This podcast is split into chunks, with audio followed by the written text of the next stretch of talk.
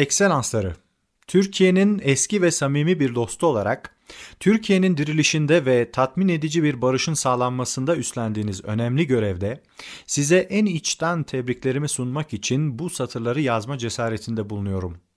Sizin faaliyetleriniz ve birliklerinizin muhteşem tutumu olmasaydı Türkiye'nin durumu çok acınası bir halde olabilirdi diye başlıyor Avustralyalı Doktor Charles Ryan 1923'te Atatürk'e yazdığı mektubuna.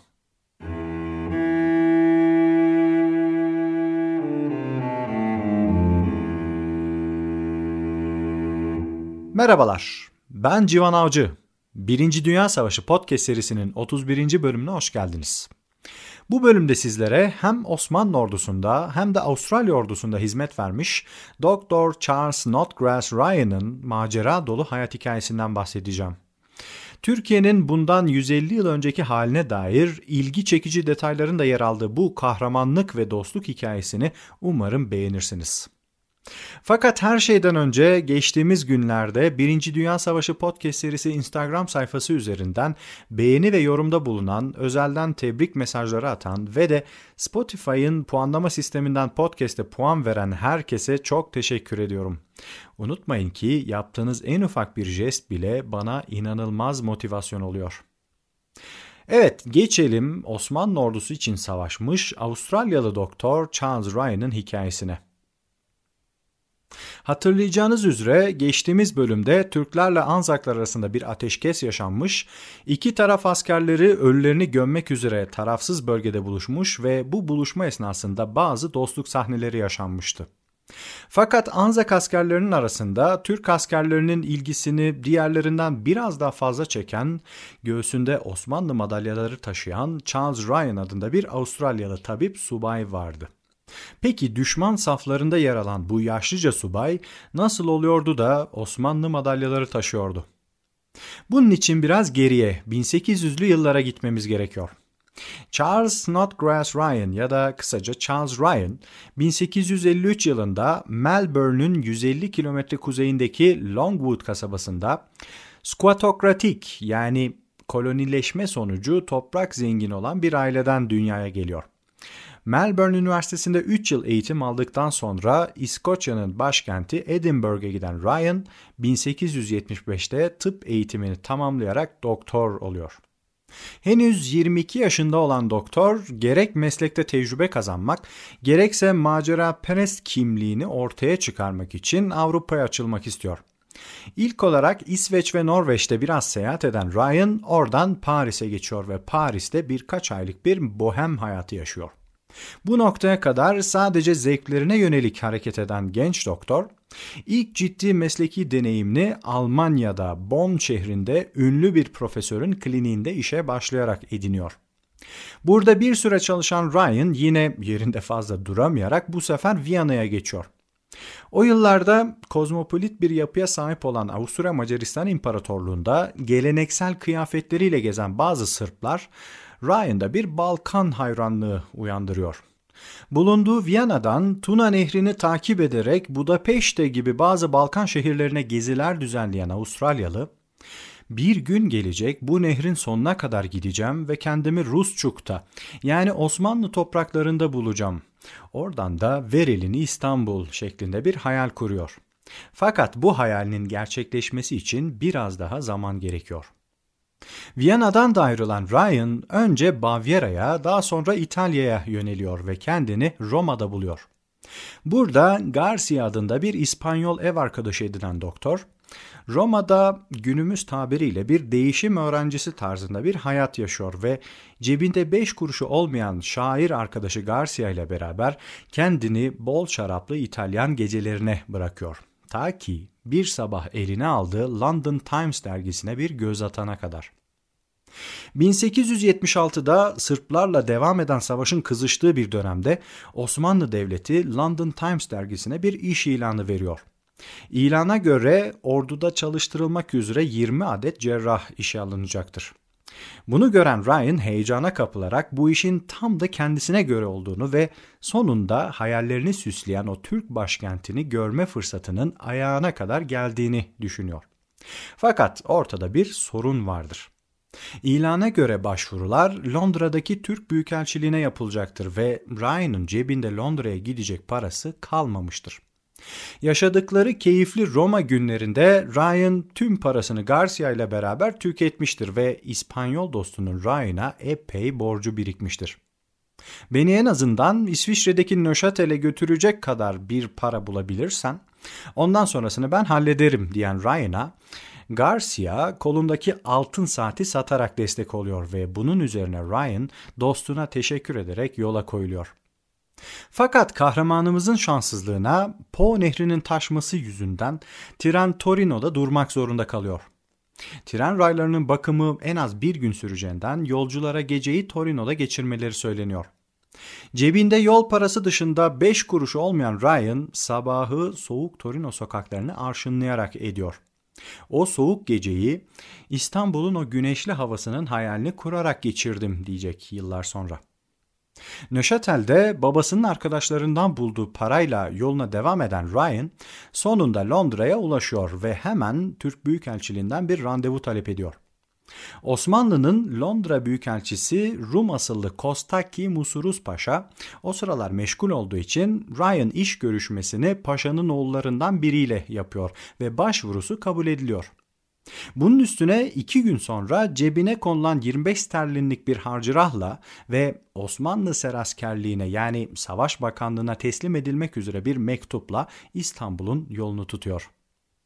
Bundan sonra Osmanlı ordusunun bir personeli olan Charles Ryan'a altınla ödenmek üzere yıllık 200 sterlinlik bir maaş bağlanıyor. Bu arada rakamlar biraz kafanızı karıştırabilir fakat araştırmalarıma göre o zamanların 1 sterlini bugünün 150 sterlinine denk düşüyor. Yani hesapladığımız zaman Dr. Ryan Osmanlı Devleti'nden bugünün parasıyla ayda yaklaşık 2500 sterlin maaş alacaktır ki bu da bir Osmanlı yüzbaşısının aldığı maaşın yaklaşık bir buçuk katı, bir albay maaşının ise üçte biri kadardır. İstanbul yolculuğu esnasında Ryan yine onun gibi işe alınmış olan diğer meslektaşlarıyla görüşüyor hatta bazılarıyla tanış çıkıyor. Yolculuğa Viyana'da bir iki günlük bir mola veriliyor. Ryan bu moladan istifade arkadaşlarıyla beraber Tuna Nehri'nde gerçekleşen kayık şölenlerini izliyor ve havai fişek gösterilerine katılıyor. Bunlar da İstanbul öncesi batı tarzında eğlendiği son etkinlikler oluyor. Tekrardan yola çıkan kafile Budapeşte'den sonra Osmanlı hakimiyet alanına girerek Belgrad'a ve sonrasında bugünkü Romanya'da bulunan Baziyaş adında bir köye varıyor. Bu köyden de bir buharlı tekneye binen Ryan, Tuna Nehri boyunca devam ederek iki günlük bir yolculuğun ardından daha önceden hayalli kurmuş olduğu Rusçuk'a varıyor. Doktor yaptığı bu iki günlük Tuna Nehri seyahatinin daha önceden yapmış olduğu Rhine Nehri seyahatini gölgede bırakacak kadar mükemmel geçtiğini söylüyor. Yolcular arasında bazı güzel Rumen kadınlarının da olmasının bunda etkili olabileceğini de eklemeden edemiyor. Ayrıca Ryan bu yolculuğu esnasında ilk kez talim yapan Türk askerlerini de görme fırsatı buluyor. Rusçuk'tan bir Karadeniz liman kenti olan Varna'ya trenle geçen Ryan, Varna'dan bindiği bir vapurla sonunda İstanbul'un yolunu tutuyor ve 12 saatlik bir yolculuğun ardından boğazdan yükselen minareleri görünce doktorumuz heyecana kapılarak dile geliyor. Bir Melbourne'e bakın bir de İstanbul'a bakın. Melbourne çok değil bundan 40 yıl kadar önce siyahi insanların ateş yaktıkları bir kamp yeriydi. Oysaki İstanbul tam 24 kez kuşatılmış, 6 kez el değiştirmiş, tarihi milattan önce yüzlerce yıla dayanan muazzam bir şehir. Minvalinde bir şeyler yazıyor otobiyografisine. 1876'nın Eylül ayında Galata rıhtımına ayak basan Ryan, Türkiye'nin ilk batı stilindeki oteli olan Miseri Otel'e yerleşiyor. Burayı öve öve bitiremeyen doktor şüphesiz burası dünyanın en lüks otellerinden birisi diye yorum yapıyor. Şimdiye kadar gezdiği tüm memleketleri düşünürsek bu hiç de hafife alınmayacak bir yorumdur. Uzun yolculuğun ardından rahat bir uyku çeken Ryan, ertesi gün arkadaşlarıyla beraber ceplerinde kabul mektuplarıyla ser askerliğin yolunu tutuyor. Burada yabancı doktorları bir divan üzerinde bağdaş kurmuş 4-5 Osmanlı paşası karşılıyor. Kayıt işlemleri yapıldıktan sonra Ryan'a adresini bildirmesi ve her an harekete geçebilecek şekilde hazır olması söyleniyor. Charles Ryan artık resmi olarak bir Osmanlı kolağası oluyor. Yani yüzbaşı ile binbaşı arasında bir rütbeye sahip oluyor. Bundan sonra gecelik ücreti biraz tuzlu olan Miseri Otel'den çıkışını yapan Ryan yakınlardaki bir kışlaya yerleşiyor. Göreve çağrılana kadar o hayalini kurduğu İstanbul'un atmosferini doyasıya bir turist gibi yaşamak istiyor. Avustralyalı turistimiz o sıralarda yabancılar tarafından Sweet Waters diye anılan bugünkü Kağıthane mevkiindeki mesire yerlerini gezmeye başlıyor. Tahminimce Saadabat Parkı dolaylarında gezinen Ryan, Türk kadınlarının çocuklarıyla beraber piknik alanlarında ağaç gölgelerinde eğlenmelerine tanık oluyor. Atlı arabalara biniyor, sokak satıcılarından Osmanlı macunu yiyor ve şerbet içiyor. Doktorumuz gördüğü bu piknik kültürünü Paris'teki Bois de Boulogne veya Londra'daki Hyde Park'la kıyaslıyor ve arada neredeyse hiçbir farkın olmamasını şaşkınlıkla karşılıyor. Meğer Doğu kültürünün bir timsali olarak gördüğü İstanbul ne kadar da Batı kültürüne açık, modern bir şehirmiş diye düşünüyor. Fakat bu izlenimi geceleyin kayboluyor. Çünkü İstanbul sokakları Paris ve Londra'nın aksine geceleyin kapkaranlıktır. Ayrıca Haliç'te kayıklara da binmeyi ihmal etmeyen Ryan, geleneksel çarşılarda dolaşmaktan, süs eşyaları bakınmaktan, sokaklarda kaybolmaktan kendini alamıyor ve Türk başkentinden adeta büyüleniyor.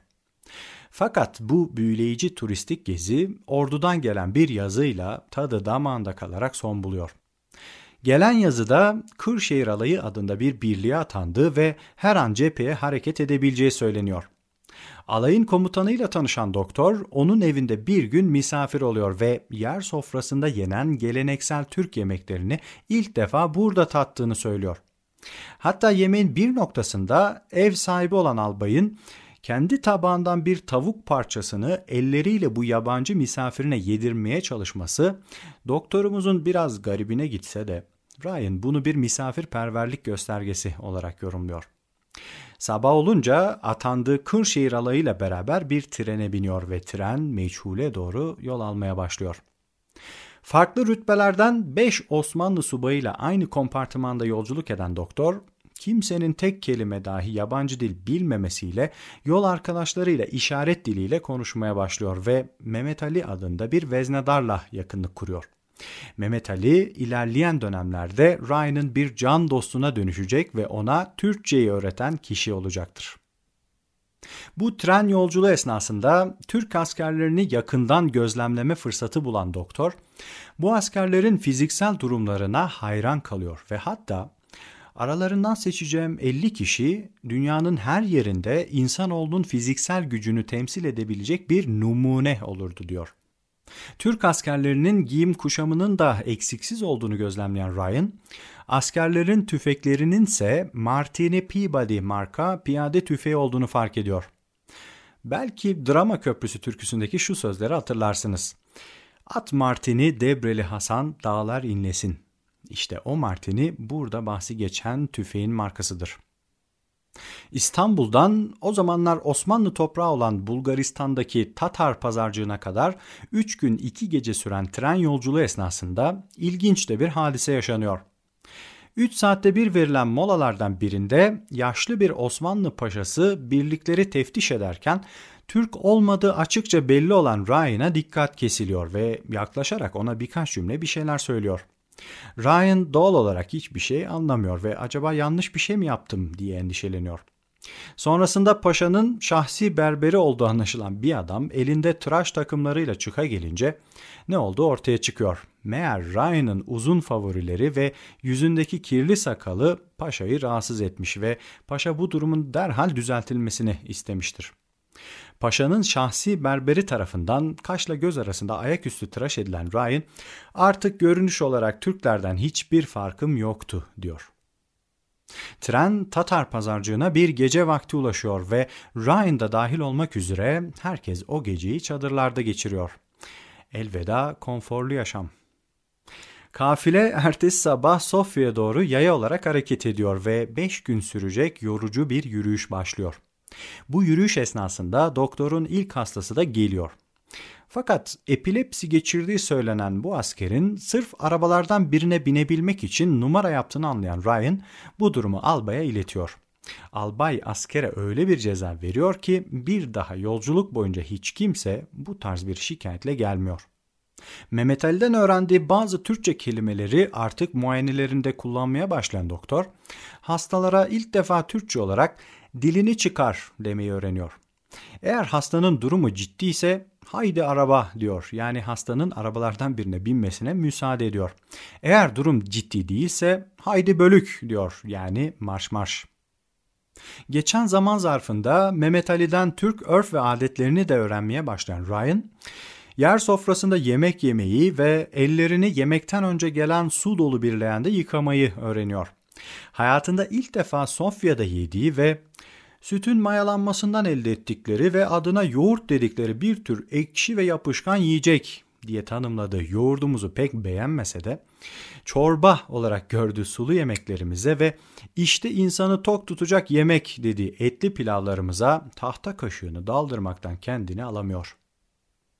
O zamanlar nüfusu sadece 20 bin olan Sofya'ya varıldığında Ryan bu şehrin köhneliğinden ve Bulgarların temizlik noksanlığından yakınıyor. Bu süre zarfında Türklerle Bulgarlar arasındaki ilişkileri de gözlemleyen Avustralyalı, Türklerin Bulgarlara hiçbir kötülüklerinin dokunmamasına karşın Bulgarların her fırsatta Türklere karşı düşmanca tavırlar sergilemekten geri durmadıklarını belirtiyor. Sofya'da biraz zaman geçirdikten sonra doktor alayıyla beraber bugünkü Sırbistan'da yer alan Niş'e gidiyor ve Sırp cephesinden gelen yaralılarla ilk defa burada karşılaşıyor. Yaşadığı bir vakada dini gerekçelerle kloroform koklamayı reddeden bir Türk askerini tamamen ayık bir şekilde ameliyat ettiğini söyleyen Ryan, bacağı parçalanmış bu askerin onlarca dikiş gerektiren ameliyatı boyunca en ufak bir acı belirtisi göstermeden sigara içmeye devam ettiğini söylüyor. Bu korkusuz Türk askerlerinin düşman süngülerinin önüne tereddütsüz atılmaları Ryan'da bir hayranlık hissi uyandırıyor. 1876 Aralık ayında Sırplara karşı savaşın kazanılacağı kesinleşince Niş Hastanesi'ndeki görevi son bulan doktor bağlı bulunduğu Kırşehir alayıyla beraber Sofya'ya geri dönüyor. Yaklaşan Noel'i en azından Sofya'daki birkaç İngiliz arkadaşıyla kutlayacak olmanın sevincini yaşayan Ryan hemen bir Noel yemeği organize ediyor. Yemek için bir tane hindi, bir tane kaz, sadece Noel zamanı yenen erik pudingi ve bir sürü şarap alınıyor. Noel'den bir gün önceki gece sonunda pilav dışında bir şey yiyecek olmanın hayaliyle yatağa giren doktor ertesi sabah uyandığında acı bir sürprizle karşılaşıyor. Sırplarla savaş tekrardan kızışmış ve Kırşehir alayı apar topar cepheye hareket etmiştir. Bunun üzerine Ryan da Noel yemeği hayaline veda ederek yola koyuluyor ve onu uyandırmadan giden alayına yetişmeye çalışıyor. Noel gecesini bir Bulgar köyünde yapayalnız, tırnak içerisinde misafirperver bir evin mısır ambarında uyuyarak geçiren Avustralyalı, alayına 50 kilometre ötedeki Orhaniye'de yetişiyor. Burada askerler arasındaki dizanteri vakalarına bakarken doktorumuzun kendisi de dizanteriye yakalanıyor. İşin kötüsü hastalığının en kötü zamanında orduyla beraber Orhaniye'den 150 kilometre kuzeybatıdaki Vidin'e yürümek zorunda kalıyor. Bu yolculuk esnasında ölümlerden dönen Ryan, Vidin'de bir İngiliz arkadaşının hazırladığı bol şaraplı bir akşam yemeğinden ve akabinde çektiği derin bir uykudan sonra bir gecede iyileşiverdiğini söyleyecek. Bulgaristan'ın artık en kuzeybatı ucunda yer alan Vidin neredeyse ileri karakol vazifesi görüyor. Çünkü Tuna Nehri'nin karşısında Ruslarla yakınlaştıkları bilinen ve Osmanlı'ya karşı hiç de dostane hisler beslemeyen Rumenler vardır.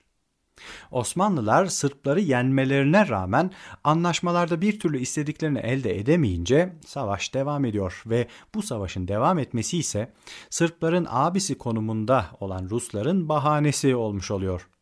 Rumenleri de yanlarına alan Ruslar çok geçmeden Osmanlı'ya savaş açıyor ve 24 Nisan 1877'de bizim 93 Harbi diye bildiğimiz Türk-Rus Savaşı başlıyor. Bu savaş Osmanlı'nın yüzyıllardır hüküm sürdüğü Balkan topraklarında artık bir ölüm kalım savaşı oluyor. Savaş başladığında Vidin'de bulunan Ryan, Tuna Nehri'nin karşısındaki Rumen şehri olan Kalafat'tan sürekli bombardımana maruz kalıyor. Tam 9 bombardımandan sağ kurtulan doktor, bir keresinde hastanenin tam göbeğine düşen bir bomba yüzünden gözü gibi baktığı hastalarını kaybediyor. Bundan sonra 18 Temmuz'da Osman Paşa ile uzun bir yürüyüşün ardından şu meşhur Bulgar şehri Plevne'ye varıyor ve doktorumuz savaşın en çarpıcı yüzüyle burada karşılaşıyor. Birçok kez ölümle burun buruna geliyor ve yer yer cephedeki tek doktor olarak görev yapıyor. Plevne yakınlarında cereyan eden Gravitsa muharebesinde at üstündeyken atı vuruluyor ve İstanbul'dan Tatar pazarcığına hareket ettiği ilk günden beri hizmetçiliğini yapan Ahmet hayatını kaybediyor. Türk ordusuna artık bir tür aidiyet hisseden Ryan, klasik doktorluk görevinin ötesine geçerek bizzat cepheye koşuyor. Hatta Rusların bir Türk tabyasına taarruzu esnasında doktorumuz yaralılarla ilgileneceğim derken tabyeyi son terk eden kişi oluyor. Atından inerek bacağı kırılmış iki Türk askerini kendi atına bindiriyor ve Plevne'ye kadar 10 kilometre yer yer sağına soluna düşen bombalar eşliğinde yol alıyor. Meslekte pişme gayesiyle geldiği Avrupa anakarasında Ryan Plevne'de Türk ordusunun hizmetindeyken hayal bile edemeyeceği tecrübeler ediniyor. O sıralar bütün dünyanın nefesini tutarak izlediği Plevne savunmasında ameliyatların her türlüsünü yapan doktor bir noktada artık hızlı ve doğaçlama ameliyatlar yapmayı öğreniyor. Umutsuz vakaları hayata döndürmesiyle ünleniyor ve bizzat Osman Paşa'nın da dostluğunu kazanıyor. Anlattıklarına göre bir keresinde bağırsakları ortaya saçılmış bir askeri iyileştirdiğini, hatta başka bir seferinde kafasının ortasından vurulmuş ama mucizevi bir şekilde ölmemiş olan bir ağır yaralıyı bile ameliyat edip birkaç hafta sonra cephede tekrar savaşacak kadar iyileştirdiğini söylüyor. Ayrıca anestezi almayı ya da ampute olmayı dini gerekçelerle reddetmeselerdi daha fazla askeri yaşatabilirdim diyor. Türk askerleri eksik bir uzuvla cennete giremeyeceklerini düşündükleri için ampute olmayı genellikle reddediyor. Muharebelerde Ruslar ikmal yollarını iyice körelttikleri Plevne'deki Osmanlı ordusuna tam 3 kez taarruz ediyor. Fakat her seferinde on binlerce kayıp vererek geri çekiliyor. Daha sonraları marşta da söyleneceği gibi şanı büyük Osman Paşa Plevne'den çıkmam diyor. Çünkü Plevne elden giderse Bulgaristan düşecek, Bulgaristan düşerse İstanbul yolu açılacak ve bu da kuvvetle muhtemel Osmanlı İmparatorluğu'nun sonu olacaktır.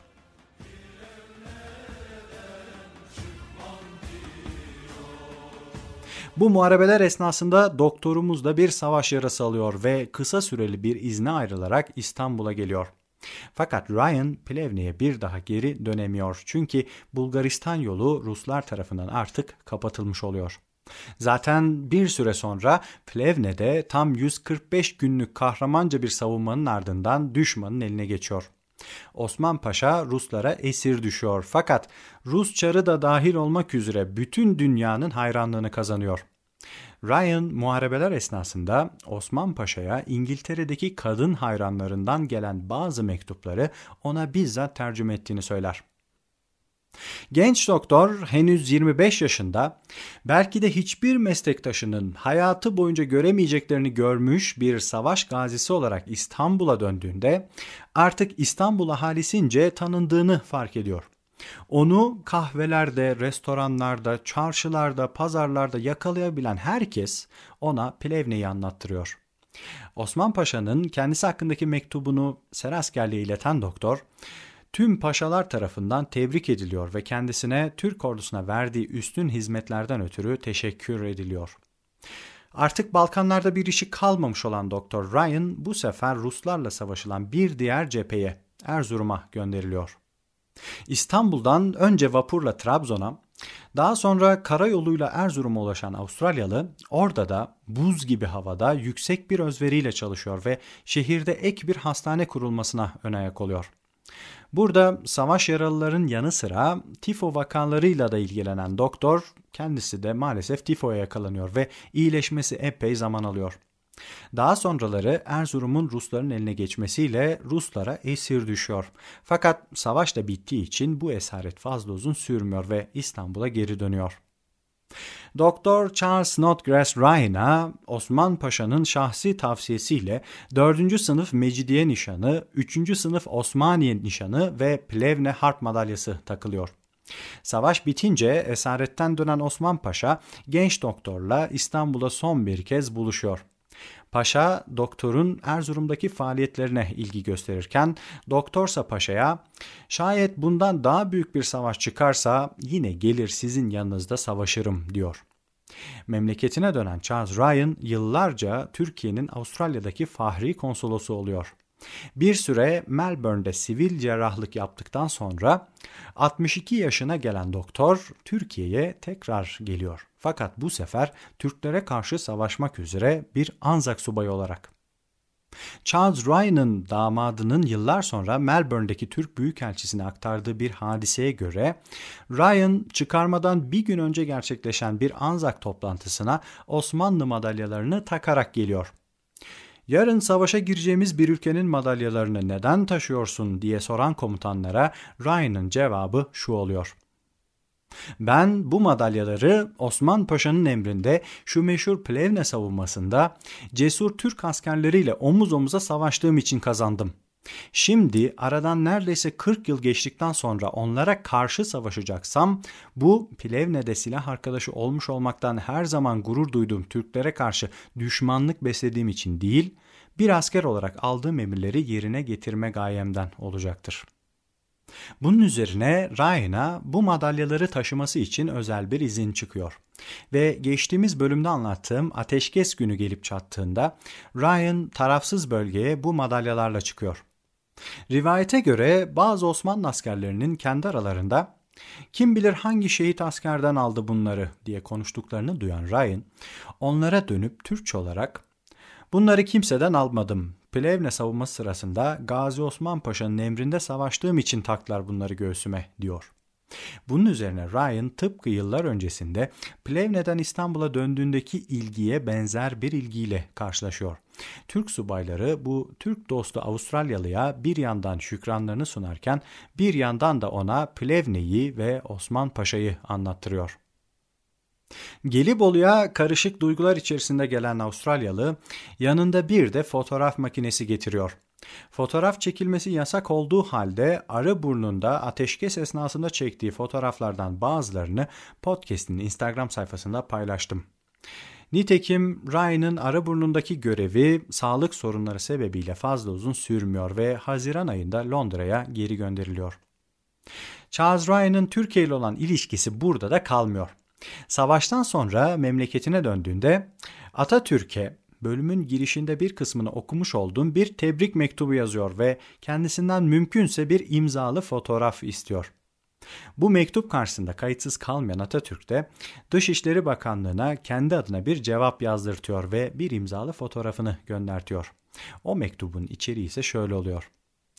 Ekselansları Gazi Mustafa Kemal Paşa nazik mektubunuzdan oldukça etkilendiler. Kendileri size teşekkürlerini sunuyor. Çok duyarlı ve nazik mektubunuzdan dolayı iştenlikle teşekkürlerini sunuyorlar. Biz de Charles Ryan'a teşekkürlerimizi sunalım ve bölümün sonuna da yavaş yavaş gelmiş olalım. Gelecek bölümde aslında bu bölüm için söz vermiş olduğum Araburnunda lağımcılık ve denizaltı faaliyetlerinden bahsedeceğim. Charles Ryan'ın hikayesinin tek başına anlatılmasının daha doğru olabileceğini düşündüğüm için bu konuları bir sonraki bölüme bıraktım. Umarım bu bölümden de keyif almışsınızdır. Dinlediğiniz için çok teşekkür ederim. Bir sonraki bölümde görüşmek üzere. Hoşçakalın.